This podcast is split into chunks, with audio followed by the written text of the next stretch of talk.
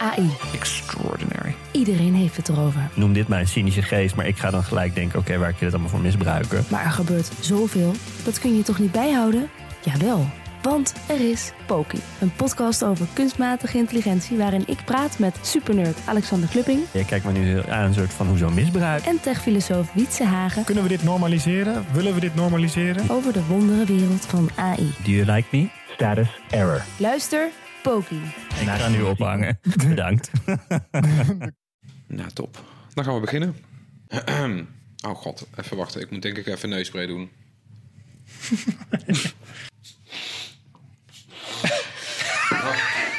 Vreselijk. Even een lijntje gedaan, eh Heb je dat weer? Floris. Zit je nu even lekker in de podcast? Woe! Woe! Elektrische auto's. Woe! Nou jongens. We kunnen er tegen. Zo. Sowieso.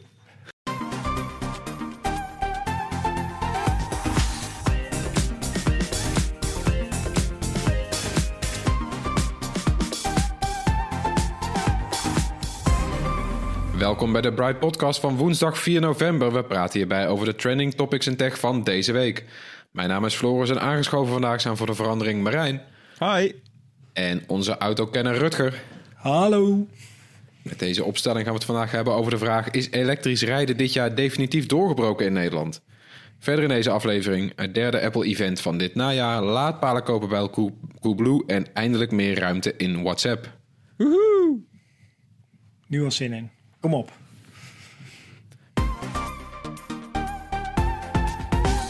Ja, 2020 is nog niet om, maar de boeiendste elektrische auto's van het jaar zijn inmiddels allemaal op de markt.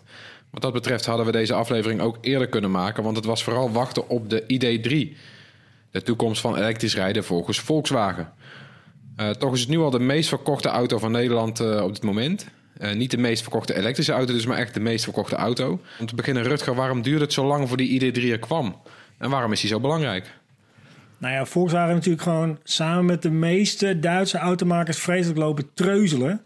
Eh, Nissan die kwam met die Leaf, dat vonden al die andere automakers een beetje te vroeg. Toen kwam Tesla met die Model S, die sloeg enorm aan. En toen dachten ze allemaal, oh shit, misschien moeten we toch maar vaart maken. En toen dachten ook eh, de mensen in de politiek van... we moeten strengere maatregelen, strengere eisen stellen aan die auto's. Dus nu moeten ze eigenlijk wel. Want er is een, eh, een, een regel dat de gemiddelde uitstoot voor de hele vloot... niet meer dan zoveel mag zijn. En daar moet Volkswagen ook aan voldoen. En de enige manier om dat voor elkaar te krijgen... is eigenlijk door elektrische auto's te bouwen. Dus ze Ja, moeten oh, oh. Of emissies kopen bij Tesla, toch? Dat kan ook. Ja, dat kan ook. Dat is ook een optie. Hoe zit je dat ook weer? Dat doet Chrysler dat toch of zo? Fiat? Ja, Fiat die koopt de emissierechten van Tesla. Dus Tesla die heeft natuurlijk per auto staan ze gewoon op nul in dat lijstje. En die verkopen de rechten die zij hebben aan Fiat, zodat die dat weer kunnen uitbalanceren. Ja, dat is echt verschrikkelijk. Prachtig, ja. Goed, Ja. sorry. Maar goed, het heeft dus lang geduurd, want ze hebben eerst getreuzeld. Maar eh, ze hebben ook problemen gehad met de software. Want de auto's die nu op de markt komen, die hebben gewoon maanden op een parkeerterrein gestaan. Omdat er problemen met de software waren. En dit kon niet even over die air gefixt. Dan moest echt een stagiaire met een USB-stickje elke auto met die eerst de juiste sleutel vinden. Ik kan me echt voorstellen, heerlijke zomerbaan is dat. En dan gaat er zo 60 rijen verderop gaat een auto open. En dan moet je daarheen met je USB-stickje. Om die software te verhelpen. En ja, dus dat was. eh, daardoor ging het niet zo snel. Maar die auto is wel belangrijk, want Volkswagen is natuurlijk niet alleen Volkswagen. Daar hoort ook Skoda bij en Seat en Audi. En ze hebben nu een elektrisch platform gemaakt. Dus wat ze eerder deden was gewoon een golf pakken, de benzinemotor eruit, accu's erin, elektromotor. En dan was dat de e-golf. Ehm, nou, dat werkt nooit helemaal optimaal natuurlijk. En nu hebben ze een platform bedacht wat echt gebaseerd is op elektrisch rijden.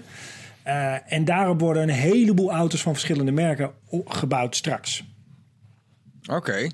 Maar dat betekent dus... eh, Betekent dat platform dan ook dat elke auto in principe hetzelfde is? Alleen niet dat het kastje eromheen anders is? Nee, niet helemaal. Want de wielbasis bijvoorbeeld, dus hoe ver het voor- en het achterwiel uit elkaar zit, dat kan al aangepast worden. Dus dat is natuurlijk al een serieus verschil. Maar ook de inhoud van de accu's, dus hoeveel cellen erin zitten, kan eh, eh, verschillend zijn. En bijvoorbeeld, eh, wat wel grappig is, de, de grootste eh, ID3, dus met het meeste bereik, die heeft er zoveel accucellen in dat er nog maar vier zitplaatsen in zijn. Want er was dus geen ruimte meer voor een vijfde zitplaats, want dan werd die auto te zwaar. Dus het heeft een andere achterbank. Ja, die achterbank heeft maar twee setjes gordels. Maar dat in essentie is die, dat platform hetzelfde. Maar als je er dus meer accucellen in zet, dan kun je dus tegen dat soort beperkingen aanlopen. Maar heb je dat dan straks ook als je de, de Passat op wielen hebt, zeg maar? Als je De- straks een, een, een ja, ik denk Of niet dat het zal ja. dan de ID weet ik veel worden, zeg maar, Ja, de elektrische. Passat. Maar die heeft in essentie eh, hetzelfde onderstel, dezelfde aandrijflijn, dezelfde elektrische motoren als dat eh, de, de ID3 dat heeft. Ja, is ook even krachtig dus dan of niet? Ja, ze kunnen er wel voor kiezen. Het is een, eh, het is een platform. en Dat wil zeggen dat je wel kan variëren. Dus eh, er is ook sprake van de ID4. Die, dat is de, de, de volgende auto die na de ID3 komt. Die is er bijvoorbeeld ook met een elektrische motor voor en een elektrische motor achter. Nou ja, dan heb je gewoon natuurlijk twee keer zoveel power. En je kunt je voorstellen dat ze daar wat in gaan variëren. Maar in feite hebben ze een soort Lego-setje gemaakt met onderdelen... waar ze vrij eenvoudig de basis van een auto neer kunnen zetten. En dan moet inderdaad gewoon een leuk, eh, leuk jurkje bovenop. Oh ja, maar en, en, en doet Volkswagen dat dan ook? eh, Ontwikkelt hij dat allemaal zelf? Dus ook de motor en zo? Of kopen ze Ja. die in? Nee, dat zeggen ze wel. Accucel is een ander verhaal. Voor zover ik weet eh, wordt dat eh, ingekocht. Durf ik niet helemaal zeker te zeggen. Maar de meeste merken doen dat wel. Dus die kopen de cellen gewoon los in. Maar de, de elektronica die die cellen aanstuurt... en die bepaalt hoe dingen opgeladen worden... en in welke volgorde... dat is vaak wel weer in-house. En dat maakt heel veel verschil. Hè? Want als je een accu heel snel wil opladen... of als je er heel erg zuinig met de elektriciteit eh, omgaat, dan kun je op allerlei verschillende manieren de energie uit die cellen halen. Eh, en het een is weer, eh, levert je meer power op en het andere levert je meer duurzaamheid op. Dus daar zitten verschillen in. Oké, maar eh, wat, wat, wat ik, ja, zo'n soort aandrijflijn. Vroeger was een motor, dat maakte eigenlijk je merk, toch? Hoe goed je was om motoren te maken.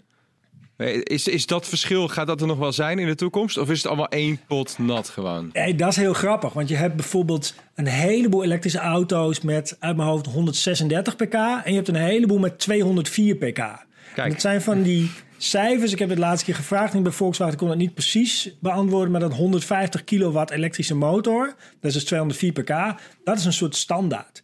En dus in die zin krijg je veel meer auto's die op elkaar lijken als het om prestaties gaat. En wat ook grappig is, is dat je nu veel meer kijkt naar hoeveel bereik heeft een auto en hoeveel euro betaal ik dus per kilometer bereik, dan naar hoe luxe is die auto of hoe groot is die auto. Het lijkt haast secundair te worden bij elektrische auto's.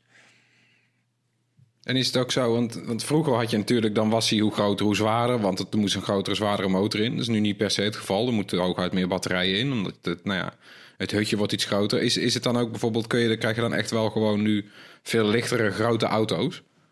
Nee, want een accupakket is juist heel zwaar. Dus een accupakket Ja, ja. is het zwaarste onderdeel van een elektrische auto. En wat je nu juist hebt, is de, zelfs een, een Renault Zoe, wat een klein autootje is, weegt natuurlijk veel meer dan eh, eh, een, een Clio'tje met een benzinemotor bijvoorbeeld. En, en is het... Ja, oké. Dan gaan we nog heel even door. Want, want ik ben wel benieuwd... Jij in je video ook over de ID3 zeg je van... Ja, binnenkort komt die ID4. Die wordt waarschijnlijk populairder. En misschien wordt die Skoda Enyaq nog wat populairder. Eigenlijk. Maar maakt het straks nog uit of je een Skoda rijdt of een Volkswagen? Nou, dat maakt er natuurlijk nu al niet uit. Hè? Stiekem niet, In nee. zekere zin was je natuurlijk als je een Golf kocht al een dief van je eigen portemonnee. Want een Octavia kostte je net veel. En die had een grotere wielbasis. Had je meer ruimte achterin. Je had standaard meer opties. Dus het enige waar je voor betaalde was dat de Volkswagen op de neus stond. En dat je daar ook tweedehands weer ietsje meer voor terugkreeg. Dat was een beetje de, de pre. Maar als jij straks zo'n Enyaq rijdt. Ja, ze hadden in de boardroom ook kunnen bedenken dat ze er een Volkswagen logo op zouden plakken. En 1500 euro bij de prijs op. Dat had ook gekund. Maar als het Nou ja. gaat om de kwaliteit van de auto, ja, dan maakt het echt geen drol uit. Heel vaak lopen zelfs die auto's van dezelfde lijn af in dezelfde fabriek, worden ze achter elkaar gebouwd door dezelfde mensen. Dus nee, dat is, eh, dat is niet echt uit. een verschil meer. Oké. Maar goed, ze hadden dus al, eh, weet je, e-golfs. Maar die ID3 wordt echt gezien als een soort van grote nieuwe stap. En ook een goedmaatactie. Ja, eh, wie er goed mag doen. Voor, die, eh, voor dat Dieselgate-schandaal, hè? Ja, Volkswagen had natuurlijk wel een beetje een. eh, die moest een andere kant op gaan. Als die zouden zeggen nu van we hebben een nog krachtiger diesel die nog zuiniger is of zo in een advertentie, zou iedereen, nou ja, precies wat Marijn nu doet, zeg maar, zou iedereen zitten te gniffelen van, mhm, sure. Eh, in theorie is dat dan zo. Dus Volkswagen moest wel iets met die strategie om iets aan het imago te doen. Het aardige voor hun is dat alle autofabrikanten nu iets anders moeten om aan die uitstooteisen te voldoen. En dus zitten ze straks niet met allemaal onverkoopbare elektrische autootjes. Eh, want die, die elektrische auto's die gaan wel verkopen. Ze moeten ze ook gaan pushen. Dus dat is niet zo'n probleem voor hun. En ik vind het wonderlijk, zeg maar, hoe weinig consumenten hoort die soort van boos zijn over Dieselgate. Sommige mensen denken misschien kan ik een beetje geld terugkrijgen voor de golf die ik betaald heb, een korting of inruilen voor een andere of weet ik veel wat. Maar ik zie weinig mensen die zeggen van nou, ik ben zo zwaar verneukt door het merk, ik koop nooit weer een Volkswagen. heb ik echt nog nooit gehoord. Nee, maar ja, voor diesel heeft het toch wel wat gedaan. Want ik bedoel, diesel, dat wil helemaal niemand meer rijden, toch op dit moment? Of Nee, komt dat, dat vooral door de fiscale maatregelen? Ik denk eh, beide. Ik denk dat een, een TDI bestellen, zeg maar, de maand na de Dieselgate uitkwam, Ja. zeg maar, dat, dat was sowieso moeilijk, want ze moesten de verkoop stopzetten. Maar dat had misschien ook wel een beetje wrang gevoeld.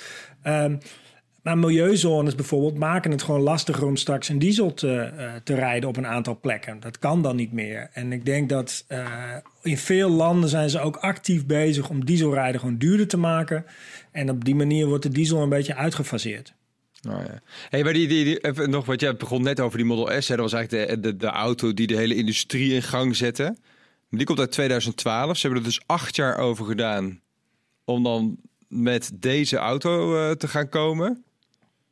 Is het dan ook een goede auto geworden? Is het dan een Model S waardig? Ja, dat is, da- dat is eigenlijk het treurigste van, voor die Duitse auto-industrie. Als je kijkt wat ze de af- afgelopen jaren verkocht hebben. De Mercedes EQC, de Audi e-tron. zijn allemaal prima auto's. Maar er waren ook prima auto's geweest als ze in 2014 waren uitgekomen als concurrent van de Model S.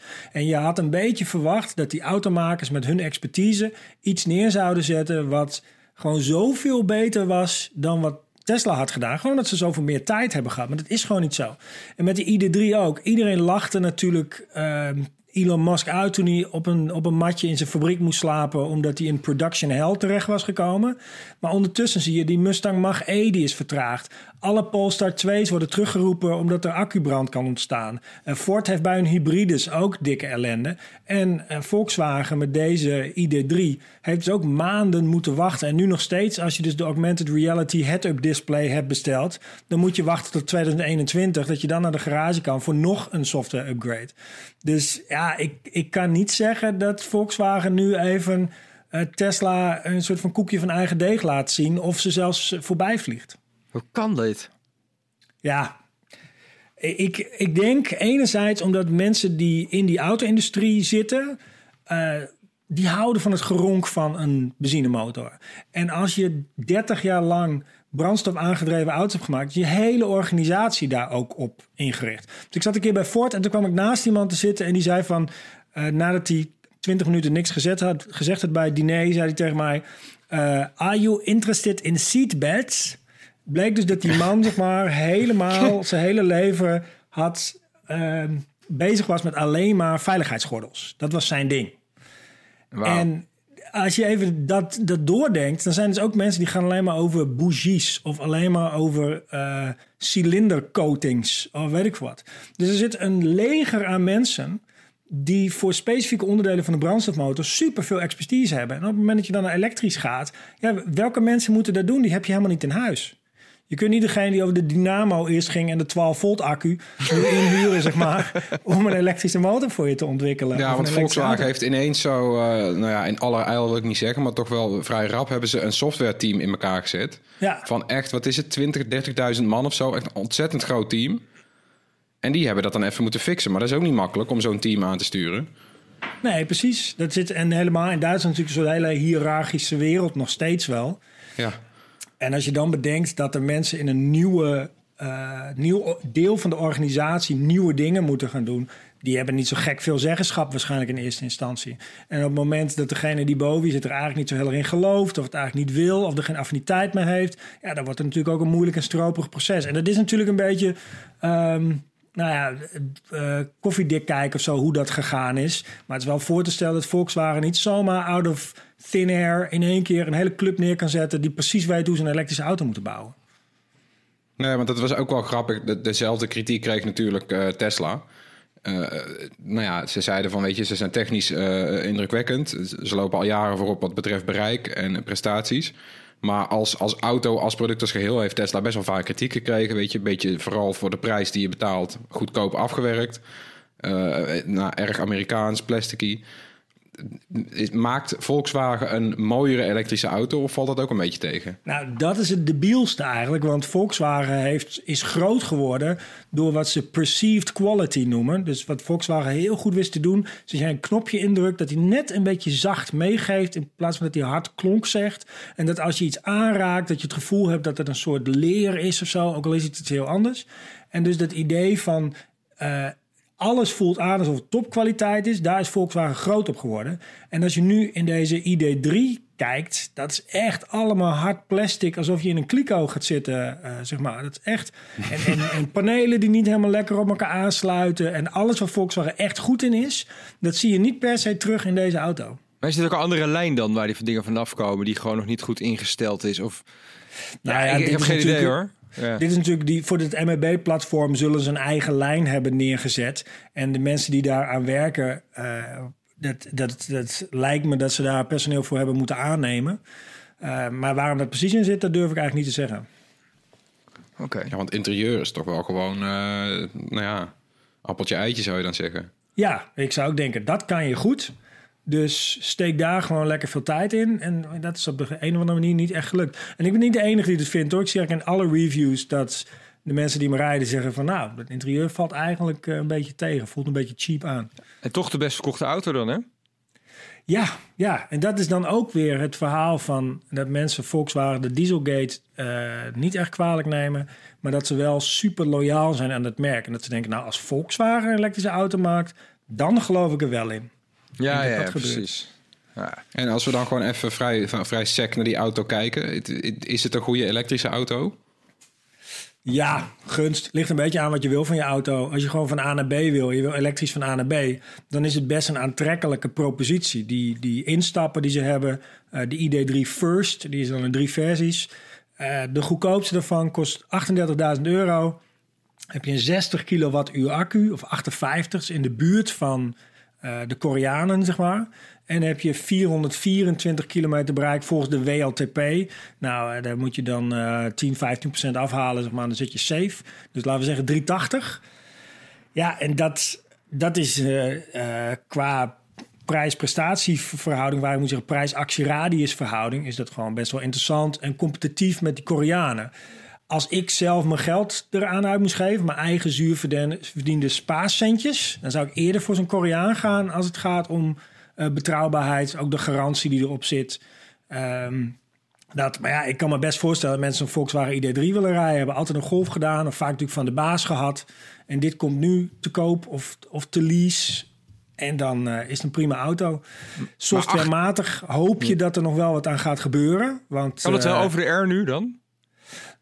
Nou, sommige updates wel, sommige updates niet. Dus Oh. de, de kleine updates doet hij over die air. Maar bijvoorbeeld die Apple CarPlay en het augmented reality navigatie... daarvoor moet je naar de dealer toe om dat te laten doen. Oké. Ja. Hey, maar 38.000 euro voor een Golf, als de ID3, als we die toch even als een Golf zien, is toch best wel veel geld, toch? Dat is vroeger, was dat de Highline, denk ik. Ja, ja precies. Ja. Oh, de Highline. Ja, nee, eh, eh, dat is zo. En dat is gewoon zo'n accupakket wat daarin ligt. Accu's zijn serieus goedkoper geworden de afgelopen tijd. Maar zo'n ID3, een 60 kilowattuur accupakket... zal toch nog wel gauw 10.000 euro kosten. Iets in die gooi. Ja, en als je er 10.000 euro van aftrekt... dan zit je ongeveer eh, op de prijs van een, van een Golf... met een beetje, een, een beetje aankleding. Dus dat... ehm, maar goed, en zakelijk is natuurlijk gewoon het grote verschil. Je betaalt minder bijtelling. eh, je betaalt minder aan brandstofkosten tegenover energiekosten. Je betaalt geen wegenbelasting. Dus als je dat allemaal een beetje doorrekent over vijf jaar en 150.000 kilometer... dan is zo'n ID3 is dan waarschijnlijk weer goedkoper. Ah ja. En eh, hoe, hoe verhoudt het zich tot de concurrentie? Ja, dit is wel maf. Ehm, zoals ik zei, die Koreanen die zijn dan net ietsje duurder. Die, die zijn eh 43.000 euro. Die hebben dan een 64 kilowattuur accu. Dus ook een stukje groter, toch wel 10%. Dus ook meer bereik. En eh, de Tesla Model 3, daar kijk je natuurlijk ook een beetje naar. Dat was de benchmark. Het, d- dat is het grap, hè? Volkswagen zei... we gaan een elektrische auto maken met meer bereik dan de Tesla Model 3... en goedkoper dan de Tesla Model 3. En dat is ze gelukt, maar niet in één auto. Want je kunt de ID3 dus kopen met de kleinste accu. Dan kost die net iets meer dan 30.000 euro in Nederland straks. Die is nu nog niet te koop, maar die komt te koop. Dan is hij inderdaad goedkoper dan eh, de Model 3. En dan is, hij, eh, is het de beloofde auto van 30k. Eh, of je kunt hem kopen met meer bereik, maar dan ben je ook ongeveer het bedrag kwijt van een Tesla Model 3. Want ja. die, die met de grootste accu, die er nu dus nog niet is, die gaat ook gewoon, gewoon hard de kant op van de 50.000 euro. Zo. Hey, eh, maar die ID3 is eigenlijk een soort van sluitstuk voor 2020, hoor, voor die auto's, eh, Ja. de elektrische auto's. Je hebt echt heel veel getest, ook voor Bright. Hè? Dat kan je wel terugvinden op ons YouTube-kanaal. Ja, Is dit het jaar geweest van dat, dat elektrisch rijden eindelijk is doorgebroken? Ja, grap is, ik had vorig jaar eigenlijk ook een beetje dat idee dat elektrisch rijden eindelijk was doorgebroken. Toen zag je opeens ook op elke straathoek een Model 3. En nu, kijk, het feit dat Volkswagen zoveel van deze auto's verkoopt, is natuurlijk goed nieuws. Maar deels heeft het ook gewoon te maken met dat mensen nog voor 31 december even een auto willen hebben op 8% bijtelling. Eh, en volgend jaar gaat die bijtelling weer een stukje omhoog voor elektrische auto's. En de vraag is dan een beetje of die markt zich op dezelfde manier doorzet. Het blijft Nou ja. goedkoper om elektrisch te rijden, maar het wordt weer ietsje minder aantrekkelijk gemaakt. Dus eigenlijk remmen de, de maatregelen van het kabinet steeds die groei een beetje af. Ik denk als je nu nog steeds op 0 of een 4 procent zou zitten met je bijtelling, dat het nog veel harder zou lopen met eh, de komst van die elektrische auto's. En wat moet er dan gebeuren met, eh, met de boomers en zo, om die aan het elektrisch eh, te, rijden te krijgen? Want ja, die leasen nooit, hè? die kopen een auto nog.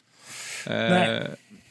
Nou ja, kijk, als je kijkt naar Noorwegen bijvoorbeeld. In Noorwegen worden ook elektrische auto's veel verkocht, niet alleen geleased. En daar zijn ze gewoon heel simpel. Dan zeggen ze, in de showroom moet eh, de e-golf net zo duur zijn als de benzinegolf.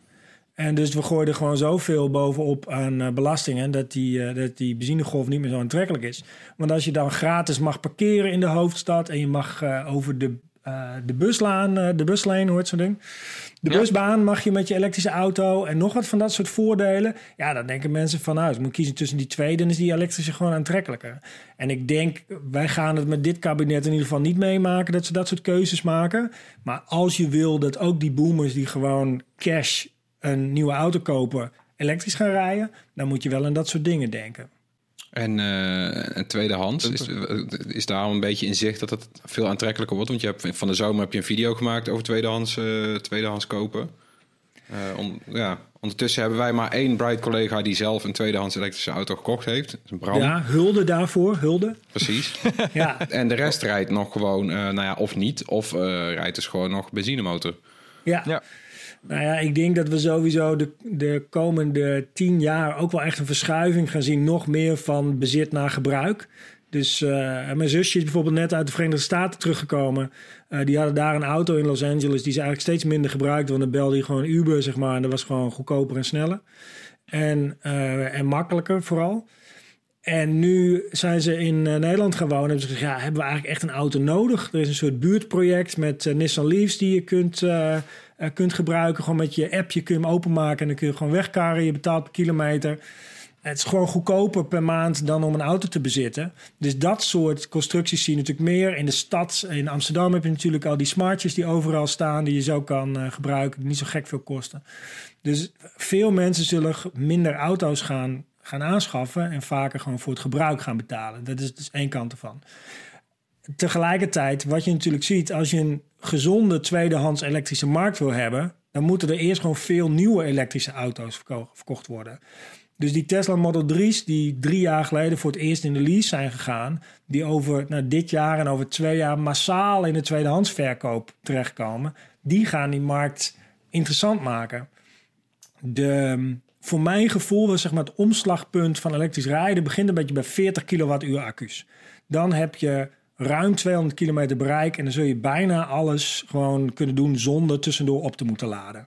En die auto's van 40 kilowattuur, die worden nu interessant. Eh, de- Leaf die onze collega gekocht heeft, is ook zo'n 40 kilowattuur. Nou, dat is een auto waar je gewoon de meeste dingen mee kan doen zonder al te veel pijn daarvan te hebben. En die kosten nu rond de 20.000 euro. Nou, 2000 euro subsidie eraf, altijd lekker. Ehm, en dat zal de komende jaren alleen maar meer worden, naarmate ook bijvoorbeeld die 64 kilowattuur auto's tweedehands interessant worden. Die kosten nu nog 30, 35.000 euro. Als die richting de 20 gaan zakken eh, en de auto's met 200 kilometer bereik richting de 10, dan wordt het eh, volgens mij echt interessant. Can't wait. Nee, Nee. same here. Nee, ik ook niet.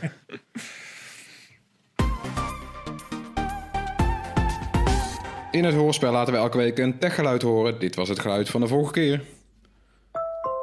Ja, en dat is heel specifiek eh, het deurbelgeluid van de Apple HomePod. Uh, Wie als heeft hem iemand niet? aanbelt via... Wat? Wie heeft hem niet, die HomePod? Nee, precies. Wie heeft hem? Nou, ik heb er twee. Ik niet. En Erwin heeft er een, zo kwamen we erop. Want eh, Ja. het is het geluid wat je, wat je hoort als je aanbelt via eh, zo'n slimme deurbel die gebruik maakt van Apple HomeKit. Hier heeft Erwin net weer eentje getest. Eh, en eh, nou ja, het is een vrij ingewikkeld antwoord eigenlijk op zo'n simpele ding-dong. Maar Arjan van der S die wist eh, precies wat we bedoelden. Dus het gewilde Bright T-shirt komt jouw kant op, Arjan. En natuurlijk hebben we ook weer een nieuw techgeluid. Komt-ie. Ja, Oeh. nog een keertje. Ja, doe maar. Oké. Ja, als je denkt dat je weet wat het is, stuur je antwoord dan naar podcast.bright.nl. Onder de mensen die het juiste antwoord insturen, verloten we zo'n gewild Bright t-shirt. Ja, gaan we naar het korte nieuws van deze week. Te beginnen met alweer Apple, want die houdt op dinsdag 10 november zijn derde grote media-event van dit najaar. Houd Nou, het dan nooit op. Nee, precies. Dat zou je wat, wat afvragen. hebben ze nu weer voor eh, nieuwe spulletjes? Nou ja, we hebben iPads al gehad, Apple Watches, iPhones, eh, nou ja, HomePod Mini hebben we gezien, eh MagSafe, al die dingen. Volgen nu de Macs. Eh, want zoals verwacht eigenlijk, want Apple eh, had eerder dit jaar beloofd dat we nog voor de jaarwisseling de eerste Macs met de eigen Apple-chip zouden zien in plaats van Intel. Eh aanstaande dinsdag is het zover en volgens de geruchten gaan we drie nieuwe MacBooks zien. Eh, versies van de iMac en Mac Pro met Apple-chips volgen dan later. Ah, ik heb net sinds vorige week de nieuwe MacBook Pro 16 inch. Oh, Intel. nee. Te Ja. vroeg, te vroeg Te gekocht. vroeg. Te vroeg, ja. Nou, En als ik nu kijk met mijn MacBook van drie jaar oud en ik kijk naar de specs van een nieuwe, dan denk ik, wow, kan dan best Ja. even door. Dus ik ben wel benieuwd naar die nieuwe proces- processoren. Ik ook. Ja, ik ben ook wel benieuwd. Als je ziet ook hoe, eh, nou ja, vooral dat Apple eh, wel jaarlijks de- verdubbelt. Wat Intel al jaren niet meer lukt. En dan ook nog eens zonder koeling. Ik ben, ja, weet je, ik ben zelf heel erg fan van laptops zonder koeling. Ik heb nu een Heb MacBook je last van Pro. en koude handen of zo, Floris? Nee, maar ik heb een hekel aan het geluid. Ah, ja. Ja, Ik vind het heel irritant. Dus eh, ik heb jarenlang zo'n MacBook 12 inch gehad zonder eh, ventilator. En daar wil Top ik wel ding. weer naar terug. Dus ik ben heel erg benieuwd. Eh, ja, nieuws dat bij het hoofdonderwerp past. Want eh, webwinkel Coolblue gaat namelijk laadpalen voor elektrische auto's verkopen en installeren. De grote webwinkel begint daarmee in de regio's Rotterdam, Utrecht en Tilburg. Later worden de laadpalen ook in de rest van Nederland aangeboden. Coolblue installeert de laadpalen zelf. Met eigen installateurs. Het team laadpalen van het bedrijf bestaat momenteel uit zo'n 15 man. Dat team moet de komend eh, half jaar worden verdubbeld. Eh, en de laadpalen worden aangeboden zijn van de merken Alphen en EVBox. Is dat waar, Rutger? Ik, ik durf het niet te zeggen. Ik, ik weet dat die laadpalen, zeg maar, die tien jaar geleden geplaatst zijn, daar heb je vaak ellende mee. Maar de afgelopen jaar, je drukt hem erin en hij doet het. Helemaal prima.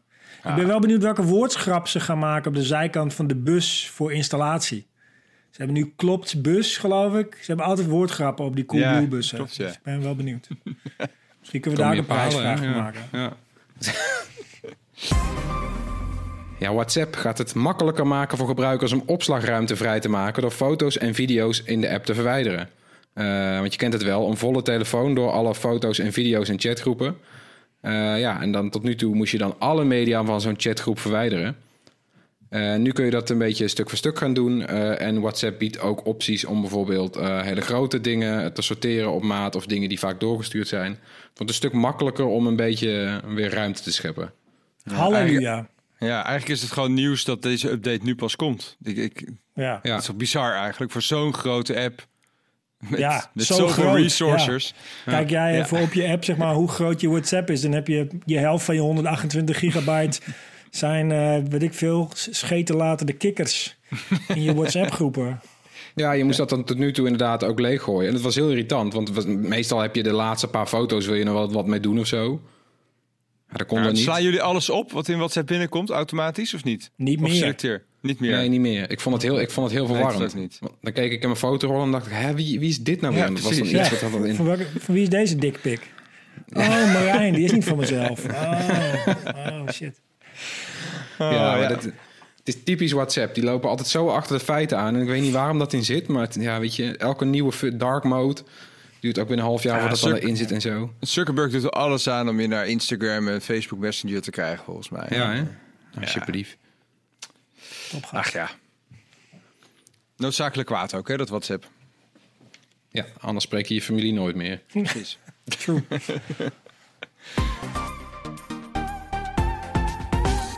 Ja, ter afsluiting hebben we nog wat tips voor je. Eh, laten we beginnen met Rutger. Ja, eh, het mooie is, jullie kunnen nu nog niks met deze tip. Want pas maandag eh, mag ik hier eigenlijk iets over vertellen. Assassin's Creed Valhalla mag ik al een paar dagen spelen. En ik moet zeggen dat mijn relatie er niet beter op is geworden. Ik vind Assassin's Creed echt een topserie.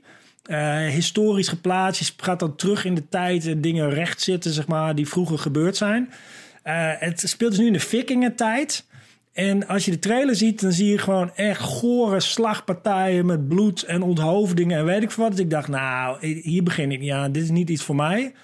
Ik zag vanochtend dat ik er al 5 uur en 42 minuten achter had gezeten. Terwijl ik volgens mij gisteren de code heb gekregen. Dus het gaat niet de goede kant op.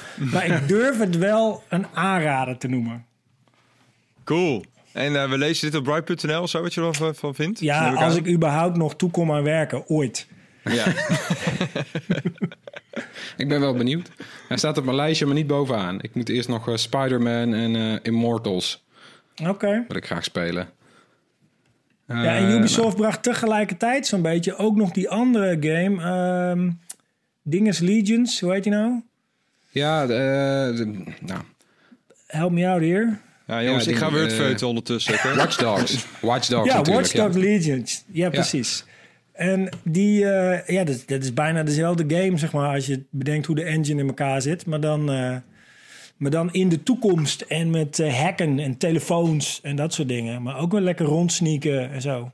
Ja, Ubisoft heeft eh, drie, drie games dit najaar eigenlijk. Dus Ja, is, precies. eh, interessant. Ben benieuwd. Ik raad je Assassin's Creed Valhalla aan. Oké, nou, we lezen er binnenkort meer over op Bright. Gaan we naar de tip van Marijn. Ja, The Queen's Gambit. Het is een beetje een vrouwenserie, ik geef het toe. Maar het Chapeau. gaat over een, een schakend weesje die verslaafd is aan kalmeringspillen. En door die kalmeringspillen kan zij dus heel goed schaken. Want zij kan door die kalmeringspillen, ja, dat, dat, geeft haar een soort van trance. Waardoor ze superveel zetten vooruit kan kijken. En eh hele games al kan spelen als ze in haar bed ligt. En zo leert zij, zij leert van een conciërge in dat weeshuis, leert zij schaken. Maar uiteindelijk komt ze natuurlijk op het grote wereldtoneel. Komt ze tussen de grootmeesters te staan. Hè, de Russen natuurlijk. En het speelt zich allemaal af ook nog in de koude, eh, tijdens de Koude Oorlog. Het is allemaal super mooi gesitueerd. Eh, het is echt een heel fijne, ja, wat is het, drama-serie. Eh, op Netflix staat hij. En ik raad je hem zeker aan om te gaan kijken. Ja, ik had sowieso wel ook... ik, ik, ik zag hem al voorbij komen, die schaakserie. Dus ik had daar wel zin in. Dus ik ga hem nu checken. En mijn tip is weer is een spelletje. Dit keer op Apple Arcade. De abonnementsdienst van Apple. Eh, South of the Circle heet het. En het draait om een man die met een vliegtuig is neergestort op de Zuidpool. Toevallig ook tijdens de Koude Oorlog in de jaren 60. En hij probeert hulp te zoeken. Hele mooie soort van getekende stijl met flashbacks naar zijn leven. Dan moet je emotionele keuzes maken. Eh, en er zitten stemmen van veel bekende eh, acteurs in. En het is typisch zo'n game die ook leuk is voor niet-gamers. Hey, dat is wat voor mij. Hey, je zit wel Ja. een beetje in de emo eh, deze week. Want ik zag op Twitter ook dat jij eh, weer een romcom had gekeken. Ja, Waar je huilend naar had gekeken ook nog. nou, ik wist al dat het ervan zou komen, want ik heb hem al een keer gezien. Met zijn Ah. hele mooie... eh, ja, is ook heet een romcom op About Time. Ja, het Ja. is een, ja, een romcom. een randje hoor, want het is, het is een fop-romcom eigenlijk. Het is meer een soort van va- verhaal over vader en zoon... die allebei de vreemde gave hebben om in de tijd te reizen. Maar alleen terug. Kijk, ook een tipje volgens Ja, mij. dan kun je ook leuke Ik ga hem kijken in ieder geval dit weekend. Ja, doe dankzij dat. jouw tweet. Ja. Ja, bedankt weer voor het luisteren. Laat gerust iets van je horen. Mail naar podcast.bright.nl of zoek ons op op YouTube, Facebook of Instagram. En download de RTL Nieuws app. En chat ook met ons en andere Bright-volgers op onze Discord-server. De link staat in de show notes. Tot volgende week. Bye.